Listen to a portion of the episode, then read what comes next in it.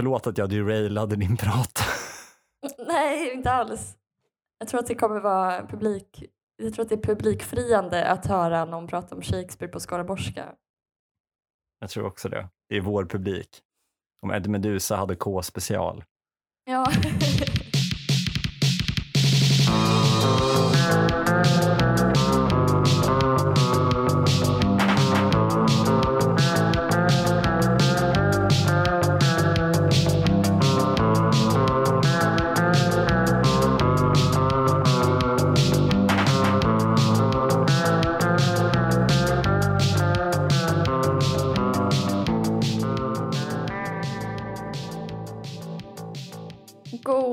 eftermiddag, Kim Eklöf. God eftermiddag Ellen Theander. Jag vet inte om du hör det här. Ljudet av Svanströms bygg och... Vad står det? Bygg och trävaror. Ljudet av Svanströms bygg och trävaror kepsen som sätts på en eh, begynnande flint. Är det inte där alla kepsar bor? Raspet mot pannan. Rapset mot ö, ömsom hud, ömsom snabbt minskande antal hårstrån. ja. Eh, nej, men eh, jag vill ju direkt rivstarta det här. Jag är ju i stugan i Värmland och håller på och bygger en uh, friggebod med familjen. Så det Ja. kanske låter lite, ljudet kanske låter lite konstigt för jag sitter i skräddarställning på golvet med mikrofonen på en stol framför mig. Hörs det menar du? Jag är ju en bit ifrån mikrofonen så det kan vara så att den Mhm, plockar mm. upp eh, Annat. Svanströms bygg och trävaror. Hur går det då? Du lägger grund, husgrund. Ja, vi har eh, sågat till grund och grävt eh, för plint som vi ska gjuta. Mm. Det är, eh, ja, varje steg är ju en ny upplevelse. Men Det väl är där- ditt, din första husgrund. Exakt. Ehm, men för mig är varje husgrund ny. ja.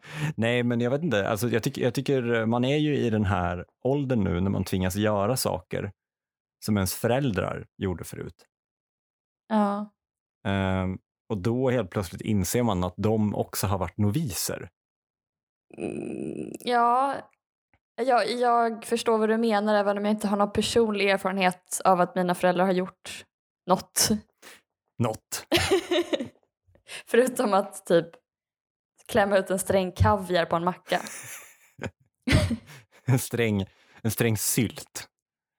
Riktiga tusen saker heads. På sin kaviarmacka. Som Ja, kommer ihåg avsnittet där vi avhandlade dina föräldrars middag, sylt. just det. Ehm, nej men jag vet inte, jag, jag tycker att det är både liksom chockerande och sympatiskt att eh, befinna sig i åldern där man vet både mindre, både mer och ibland lika mycket som sina föräldrar. Vad vet du mindre om? Hur man bygger ett hus, ja, det vet de.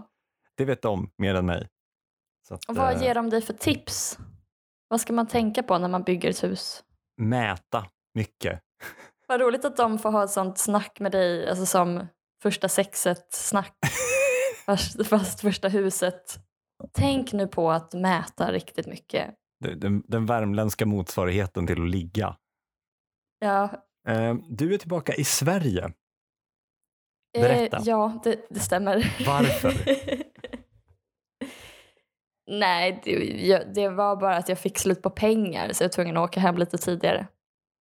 Men också, jag tänkte att jag skulle åka till Padua och skriva artikel med en, ja, han som jag ska skriva med helt enkelt, för han bor i Padua. Mm. Alltså för mig är det en, en stor grej att man ska skriva någonting tillsammans. Mm. Och trots att jag inte känner honom så bra så tänker jag ändå att ja, men det här är något stort projekt som vi ska göra tillsammans. Mm. Även om det, det handlar om tio sidor kanske.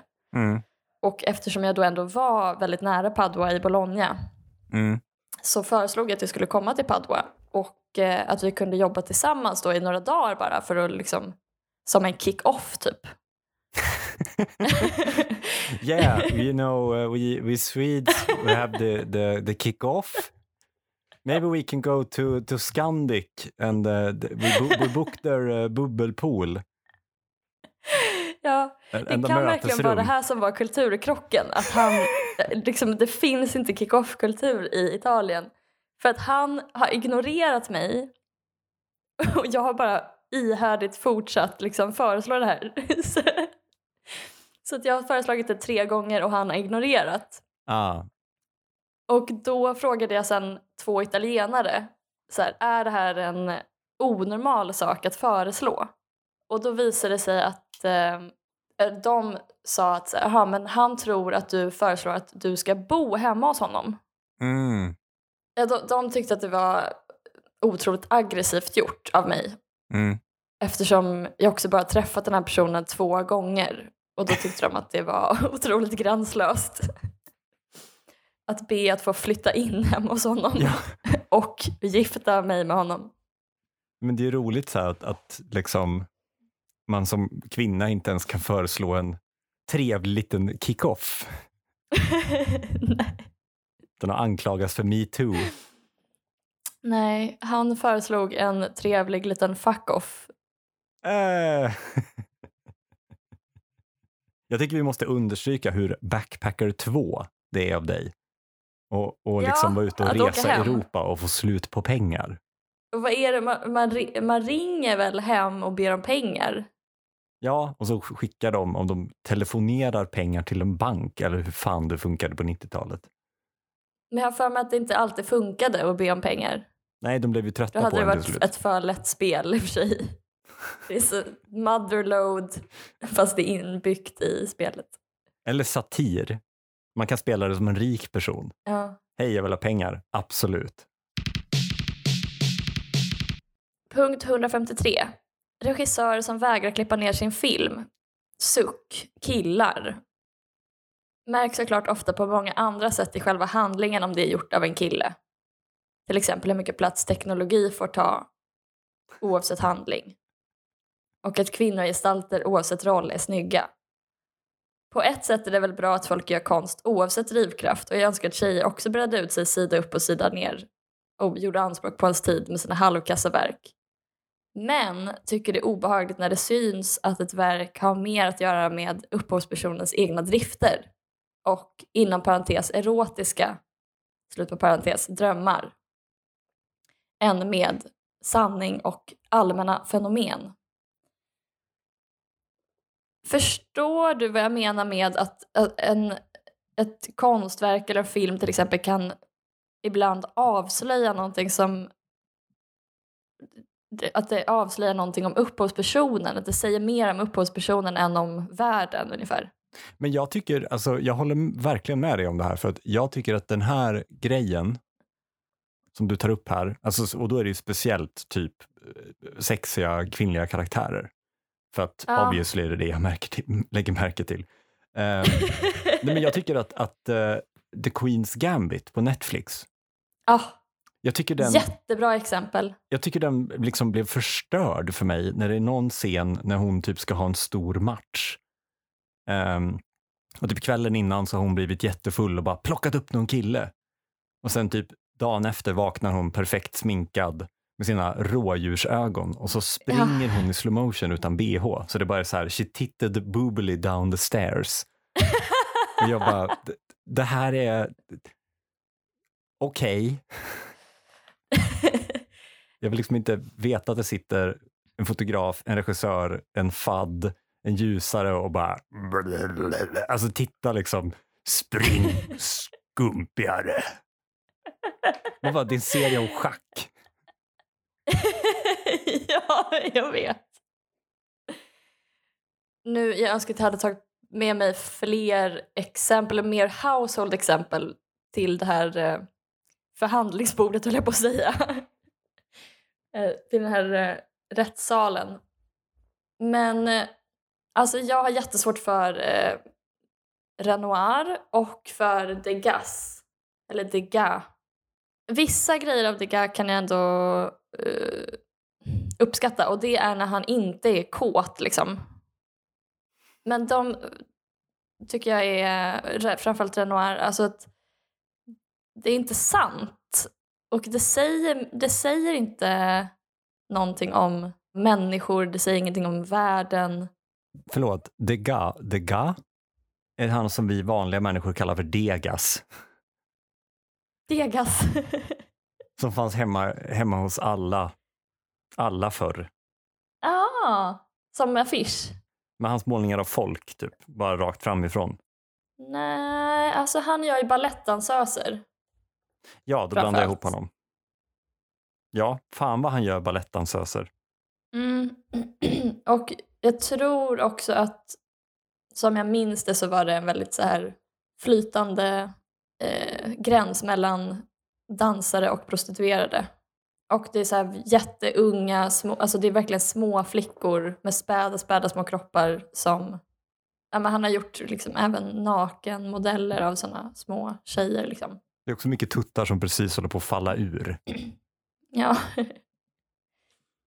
Och det är så konstigt för att jag tror att man kall, jag tror att det, han är impressionist och om jag minns impressionismen rätt så är det till skillnad från expressionismen, för expressionismen är mer, det ska ju mer ha att göra med konstnärens känslor. Alltså mm. motivet påverkas av hur man uppfattar det psykologiskt. Det är mycket mer en psykologiskt färgad bild. Medan impressionismen är mer sakernas eh, verkliga natur, hur, den, hur de fenomenologiskt eh, liksom framträder. Men ändå så tycker jag Renoir, ja det säger mycket mer om honom. Det säger mer om hans psyke, liksom, hur han ser och vad han drömmer om. Hans fantasier liksom. Mm. Och det är så idealiserat och tillrättalagt eller objektifierande. Ja, det finns ju såklart många exempel på också manliga konstnärer som avbildar kvinnor, precis som du säger, på ett sätt som bara inte säger någonting. Alltså det är totalt intetsägande, det säger bara att så här, det här är en, en kvinna som jag tyckte var snygg. Och nu ska jag försöka fånga det i detalj, hur snygg hon är. Typ. Jag tänker på de där um, ryktena, eller förmodligen sanningarna som gick om kungar, att de hade speciella liksom, de svenska kungarna hade liksom speciella rum där de hade låtit eh, konstnärer måla upp mer eller mindre suggestiva tavlor på de snyggaste tjejerna de hade träffat. Vad heter han som har gjort tv-serien Love? Eh, Judd Apatow. Han tycker jag, det är i och för sig lite gränsfall för jag tycker ändå han gör bra grejer. Och likadant, Woody Allen gör jättebra grejer men det finns ju ändå ett, ett stråk av så här personlig erotisk dröm. Mm. Men det är väl hur duktiga de är på Alltså, jag vet inte. Alltså jag kommer ihåg när jag läste, jag tror jag tagit upp det här i en tidigare podd, men jag läste en, en eh, typ zombie-roman som utspelade sig i Säffle. Som någon gubbe hade mm. skrivit. Och jag minns, jag var väl kanske liksom i tioårsåldern när jag hittade den här. Det var jättespännande för det var ju liksom, det sprang ju zombies och monster där jag lekte liksom i den här boken. Mm. Eh, men jag minns att jag tyckte det var väldigt obehagligt för det kom ju sexscener och då mm. förändrades hans språk och liksom hela, ja. hela liksom boken. Och det var ju också för att jag var ett barn och tyckte det var läskigt med var, var, varför, vadå pulserande vulva liksom? Vad är det? Jag vet inte, så här i efterhand så har jag väl förstått att det var för att han, låt oss säga, skrev de bitarna med en hand. Ja. Och sen, jag antar att det är många, jag tänker så här, Bergman måste väl ha gjort det, men att man då sen kanske gick in i ett mer, vad ska man säga, sobert tillstånd och redigerade bort sådana bitar. Just det. Men eh, här var det inte det, utan det kunde liksom gå från att de pratade om att typ hugga ved för att överleva ja. till liksom att de så älskade våldsamt i någon gammal Volvo. Ja men verkligen, apropå att klippa ner sin film eller redigera då en bok eller och som sagt, det är väl bra oavsett vad man har för drivkraft att man överhuvudtaget gör någonting. Men man kan i alla fall ha den goda smaken att redigera bort det efter bearbeta. Liksom. Jag tycker överlag alltså, att redigering, eh, alltså bra verk, jag tror att alla som har skapat någonting och känner att man typ har en vision och att man är på väg någonstans i sitt skapande väldigt gärna vill springa och visa upp det för världen. Att man känner sig liksom uppfylld av att man har skapat någonting. Men det är ju liksom mm. redigeringen eh, eftertänksamhetens kranka blekhet, eller vad fan man säger, som gör ett verk bra på riktigt. Liksom. Mm. Um, för annars, jag menar, jag tänker att du i ditt huvud vill gå den bekväma tankebanan hela tiden. Mm. Och då hittar du ju på saker som känns skönt i stunden att skriva, måla, Ja. fota. Och då gör du förmodligen någonting som är alltså, som någon redan har gjort för att du har det i bakhuvudet. Men att skapa någonting unikt, något nytt, kräver ju liksom Ja. eftertanke. Eh, sen tycker jag också att, att ett verk som är oredigerat är ibland lite äckligt att titta på eller Ja. läsa. Och då tänker jag på, inte på, på liksom konst per se, utan då tänker jag kanske mer på så här lokala snickarfirmors hemsidor där de kanske har fyllt i någon Wordpress under en eftermiddag och skrivit saker som eh, anlita oss, vi professionella, eh, bästa resultat för dig som kund, vi gör allt för att du ska bli nöjd. Eh, ja. man typ förstår att men ni försöker låta som eh, Skanska, men ni är inte Skanska utan ni är en person som har tittat på Skanskas hemsida och sen inte kunnat stava och sen bara vräkt ur sig någonting. Ja. ja, men för då är det inte ens ens eget undermedvetna utan då är det på något sätt samhällets undermedvetna som man kanaliserar utan att liksom tillföra något. Men det, det blir ju en självpåtagen likriktning. Mm. Lars Norén har skrivit att vilja förstör konst. Men det kanske är i och för sig någonting annat. Alltså, han kanske menar att så här, jag vill verkligen skriva en bok. Mm. I motsats till att ha någonting att säga att så här, jag måste verkligen berätta det här. Begäret överlag, att känna att liksom någon sitter på knä och sträcker handen efter en. Liksom. Eh, Mm. För att kom och känn som mig eller kom och tyck som mig. Ja, det är lite påfluget. Men man blir ju lite äcklad. Ja men, för, ja men verkligen, men det kanske är det att det handlar mer, alltså för att man vill ju att man vill att konstnären ska göra någonting för en. Inte göra någonting för konstnären. Alltså man vill ju att någon ska ge, göra en en tjänst typ. Man bara tack, gud vad bra att du beskrev det här på ett sätt som jag aldrig hade kunnat komma på själv. Eller som var väldigt likt det jag själv tänkte men mycket bättre uttryckt. Ja, utan baktankar. Liksom. Ja, i Köpenhamn nu så har de en temporär utställning med Susanne Valadon som är tydligen då, jag kände inte till henne sen innan, men hon var då en fransk konstnär som var typ samtida med Gauguin och kanske något senare. Eh, jag vet inte, van Gogh kanske. Och hennes bilder var så otroligt bra. Mm. Jag har faktiskt också varit och sett den. Har du? Ja. Men gud, vad tyckte du då? Nej, men också så här bara jätte... Jag tyckte hennes eh, familjeporträtt var jättefina. Mm. Och så liksom ute efter att hennes familj förändrades. Någon var sjuk och någon var galen och liksom. Men de var väldigt fina. Mm. Men jag känner som du där, att jag gick in och bara fint. ja. Nej men då var det, hon gjorde ju också mycket nakenmodeller Mm. Och nakna kvinnor. Men framställt på ett helt, eh, jag ska inte säga icke-subjektivt sätt, men ändå ett sätt, jo men typ, alltså, hon, hon försöker mer fånga det, hur de ser ut och deras personlighet. Och inte alls idealiserat, men ändå väldigt fina bilder. Ja, men det känns som att hon Eh. hade ju några bilder på kvinnor som bytte om. Eh, och det tycker jag går att jämföra, för det känns som att det finns väldigt många bilder som är såna här, vad heter det, voyeur, alltså man står och tjuvkikar på någon. På liksom, som manliga konstnärer har gjort på kvinnor som står och byter om i något vattendrag bakom en buske. Ja.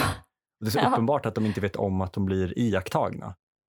Ja, just det. Och det Sorn, typ. Ja, och det är väl typ själva poängen, att det ska vara så, oh, här står jag i busken, tittar Ja. på töser. Men hos hennes bilder var det ju, ibland kunde de ju verkligen spänna blicken i en. Ja, men verkligen. Och även med färgerna. Det är såklart en personlig stil, men det är också kanske Mm. kvinnan som avbildas, hennes personlighet som Mm. förmedlas. Och det kanske inte är baktanken som sagt som är problemet. Alltså kåthet som är så modererad, om man har psykologisk inlevelse och en eh, väldigt bra observationsförmåga, Mm. då tror jag att det spelar mindre roll vad man har för personliga mål Mm. med att göra någonting. Jag har inga problem med om Ingmar Bergman skrev eh, Persona med, vad blir det, vänsterhanden. Gud, det uttrycket får en ny innebörd. Att göra någonting med vänsterhanden. Så att du funderade en stund vilken hand du tänker att Ingmar Bergman... Om han är vänsterhänt eller högerhänt. Och hur stor betydelse, alltså vi- vilka, vad är hans prioritering? Liksom? Vilken behöver han använda sin bra hand till? Vilken hand runkade Ingmar Bergman med? Man kan ju få, eh, visst kan man få visning av huset på Fårö? Och så säger de väl någonting om att han onanerade väldigt mycket vid sitt skrivbord. Du kanske kan gå Ja. på den och fråga vilken hand de tror att han använde. ja. Jag måste nämligen redigera ett gammalt poddavsnitt i så fall. Jag är, väldigt noga med min research. Nej men eftersom han hade sån otrolig inlevelseförmåga och observationsförmåga och psykologisk inlevelse och verkligen inte gjorde någon skillnad mellan män och kvinnor. I alla fall inte, alltså, han gjorde det på ett privat plan men inte i sin konst. Mm, Utan där var det ju verkligen konsten framför allt. Hur är människor? Och då blir Mm. det ju alltid jättebra kvinnoskildringar. Eller jag ska inte säga att han inte gjorde någon skillnad mellan män och kvinnor i konsten men han gjorde, han gjorde bara exakt så som det är. Liksom. mm. Eller Shakespeare. Säger man, för- förlåt det här är hundrade gången jag uttalar Shakespeare med i och jag blir alltid lika osäker om det är det ett boomer-sätt att uttala. Du får ju skaffa dig en dialekt så kan du ju uttala saker hur du vill och skylla på den. Ja, okej. Resten av den här pratan kommer nu vara på skaraborgska. Jag säger ju, jag vill bara flika in att jag säger ju beige, färgen Ja. beige och bearnaisesås. Så då kan man ju säga Shakespeare. Shakespeare-sås. Man märker när han klämde fram sådan när han skrev. Usch. Eh, Ja, ha, men eh, Shakespeare eh, var en otrolig görbra författare och människoskildrare. Och det är liksom trots att kanske han skrev i en tid som där eh, kvinnor eh, inte kunde uttrycka sin eh, fulla mänsklighet. Men nu blev det norska. Mänsklighet. Och ändå så hade han den här eh, känslan för eh, hur är kvinnor egentligen? Jo, de är som män. Jag vet inte varför jag tänker att du ska säga något sexistiskt.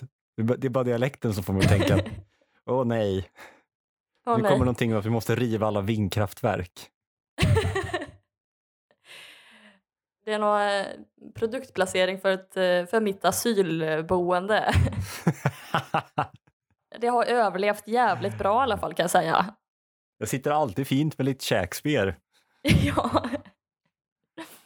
Har du något mer exempel på kåt kon- konst? Redigt kåtkonst. kan du göra flera olika värmländska dialekter? Eh, nej, jag, jag tror inte det. Jag kan nog härma Karlstad någorlunda. Ja. Det är lite mer... Nej, vänta. Det är mycket, det är mycket mer snällt där, så man liksom glider Ja, lite så. Det är lite försiktigt och snällt. Och sen Mm. har du den grova som är nere i Säffle då. Och sen här uppe i, i Hagforsing så är det en kap allt va? ah. Sån en pös. En kap allt. Punkt 774. Gulligt ändå att det framkommit att grovt kriminella åker till Spanien efter tunga brott. det måste ha varit fem år sedan nu eller något som jag läste det här. Men sen så, nu när jag fick reda på att vi skulle köra den här punkten så var jag tvungen att researcha lite och då hittade jag en SvD-artikel Mm. som heter Spanien, ett paradis för kriminella svenskar. Och då, då lyfter man ju upp då att, att det, det finns en ganska stor del av liksom eh, svenskar som bor på Solkusten, grovt kriminella svenskar. Eh, det är väl 71 personer som har gripits, det här var i augusti 2021, eh, när svensk och spansk polis slog till mot ett knarknätverk baserat på spanska eh, Solkusten och bland de gripna fanns ett antal svenskar.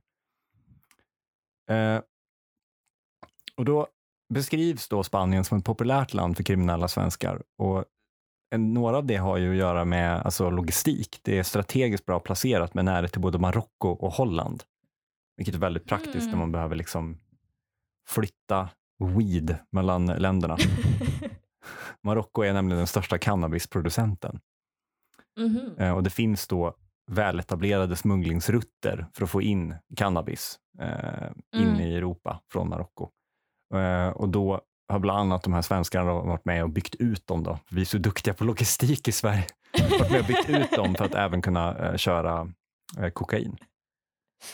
Så att, eh, och då, svenskarna som är där nere eh, beskrivs så här i ett eh, PM från eh, spanska polisen. Kriminella nätverk med bas i Sverige har etablerat egna kontakter med förmedlare i framförallt Spanien för att ombesörja köp och import av egna narkotikapartier. Eh, De samarbetar med de sydamerikanska kartellerna. På plats i Spanien finns svenska kriminella aktörer och de har en slags koordinatorsroll. När narkotikapartier ska köpas så ser detta ibland genom direktkontakter med lagerhållare och grossister eller vid auktionsliknande köptillfällen när flera koordinatorer träffas. Alltså det är upphandling. Så vi har alltså tagit upphandling från Sverige hela vägen till knarkhandeln i Spanien. Eh, man har också, eh, vid de här köptillfällena så erbjuder man också pr- varuprover och sen får man lägga bud och högstbjudande vinner då partiet. Några svenska aktörer i Spanien har också byggt upp egna transportlösningar större lastbilstransporter, antingen direkttrafik till Sverige eller mellanlandning och styckning eh, av partierna i Holland för ompackning. Okej, men det, då är mycket liksom, det är mycket st- strategi och, och det är liksom, ja, men vi är ju duktiga på lastbilar och logistik och upphandling och sådär, så då åker vi ner dit. Eh, det är inte riktigt det jag skulle låta pratan segla in på, men jag tycker också att jag vet, det är typ lika gulligt som att de är där nere för att det är lite gött. Att de liksom, alltså så, du vet, det kommer ner några svenskar till liksom, till en sid och liksom börjar snacka med sydamerikanska karteller och bara You know guys, you know uh, the last, the, the cargo trucks, they sometimes go halvtomma But we can maybe with planning system in Excel with the gross weight. You can you can ship more in the cargo trucks.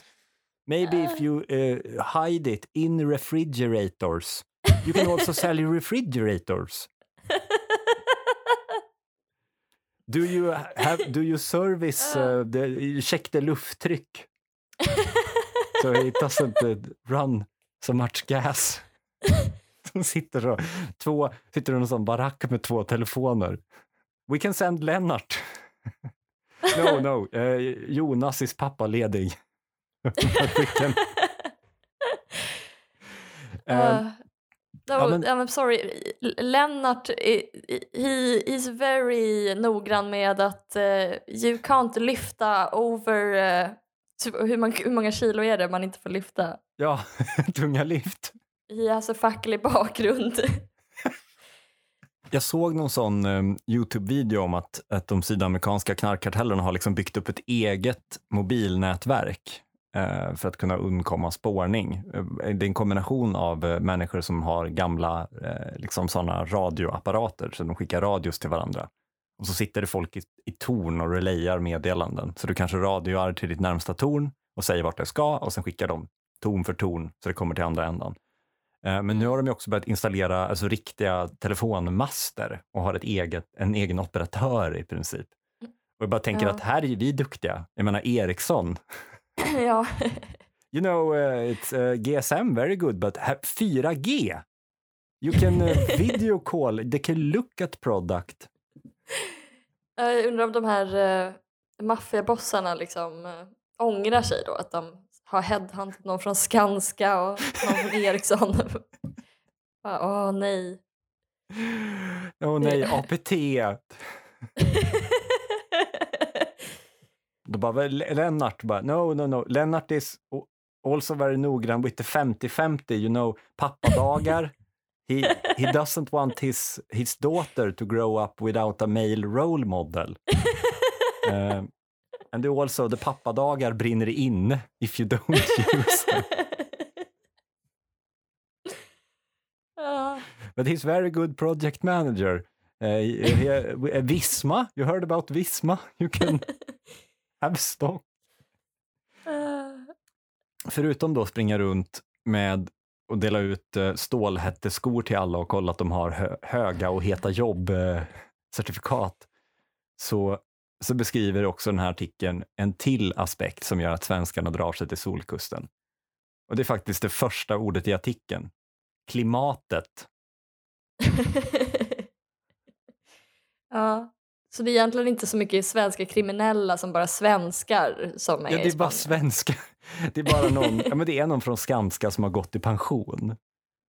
Och du vet mm. så, oh, det är så tråkigt att gå i pension, man gör inget hela dagarna. Oh, jag var Nej. ju inköpschef på Volvo och så kommer någon och bara, inköpschef sa du? Ja. Lennart behöver ju en vikarie nu när han ska ha barn till.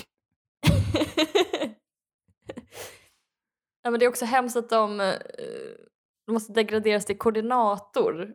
Att det liksom, man har varit inköpschef men sen de kanske blir liksom placerade där som koordina på koordinatorsposten efter att ha varit för anala med sina tunga lyft och Excel-filer. Men inte det lite lugnt och skönt då på ålderns höst, tänker jag? Jo, kanske. Inte vara ansvarig för allt, utan bara sitta med någon sån Excel-motsvarande och hålla koll på lastbilar som åker till höger och vänster. Ja.